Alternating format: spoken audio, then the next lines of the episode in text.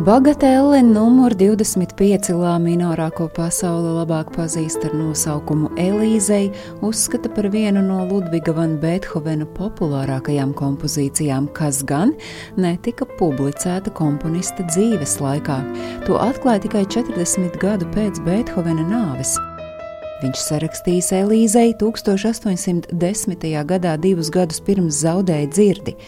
Daudzu pauģu garumā tā bijusi mūzikas skolas skolēnu programmas stūrakmens un pēdējos gados arī viena no populārākajām mobilo tālruņu melodijām. Tā kā oriģinālais manuskripts ticis nozaudēts, laiku laikos bijušas spekulācijas par to, kur tad ir bijusi tā laimīgā Elīze, kurai veltīts Beethovena skaņdarbs. Pastāv Vismaz trīs versijas. Viena no tām izvirzījuši austriešu muzikologi, kuri 2001. gadā paziņoja, ka slavenais Ludviga van Beethovena skaņdarbs Elīzei patiesībā veltīts Terēzei. Lai arī elēģijas klavierēm manuskripts pazudis bez pēdām, austriešu muzikologiem ir izdevies precīzi noteikt, ka laikā, kad tapa Elīzei, Beethovens aplidojis Vīnes ārsta meitu pianisti Terēzi Malfati un ir veltījis skaņdarbu tieši viņai. Bet tad kāpēc skaņdarbu sauc Elīzei, nevis Terēzei? Te nu atbilde meklējama Beethovena rokrakstā. Kļūda skaņdarba nosaukumā radusies tipogrāfijā, kad saliekot partitūru, strādnieki nav varējuši izburtot komponista briesmīgo rokrakstu un uzrakstījuši Elīzei. Tikmēr 2009. gadā vācu muzikologs nāca klajā ar citu versiju, sakot, ka ir izdevies noskaidrot, kurai tieši veltīts šis skaņdarbs. Kā uzskata vācu muzikologs Klauss Martins Kopits, noslēpumainā sieviete bijusi vācu dziedātāja Elizabete Rēkele. Viņas brālis bija tenors, kurš spēlējis Florestāna operā Fidelio iestudējumā, ko diriģējis pats Beethovens.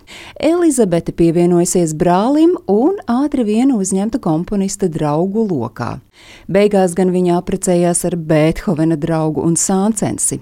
Pētnieks apgalvo, ka Elizabeti Rēkeli sauca arī par Elīzu, to apstiprinot kristību ieraksts.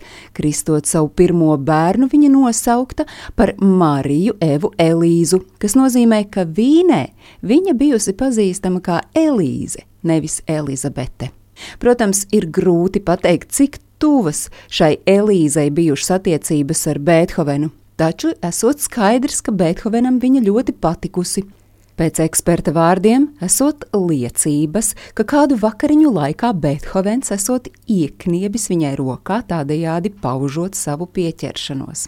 Tāpat ir zināms, ka īsi pirms savas nāves Beethovens viņai uzdāvinājis savu matu šķipsnu un vienu no pēdējām rakstām spalvām. Tikmēr kanādiešu muzikoloģe Rīta Steblina 2014. gadā rosināja, ka iespējams skaņdarbs veltīts Regensburgā dzimušajam brīnumbērnam Elīzei Bārensfeldai, kura koncertējusi kopā ar Beethovena draugu Johanu Nepamuku Melcelu. Elīze toreiz bijusi vien 13 gadus veca. Kā uzskata muzikoloģe, tas arī ir bijis jau iepriekš pieminētās Terēzes Malfatī pirksts.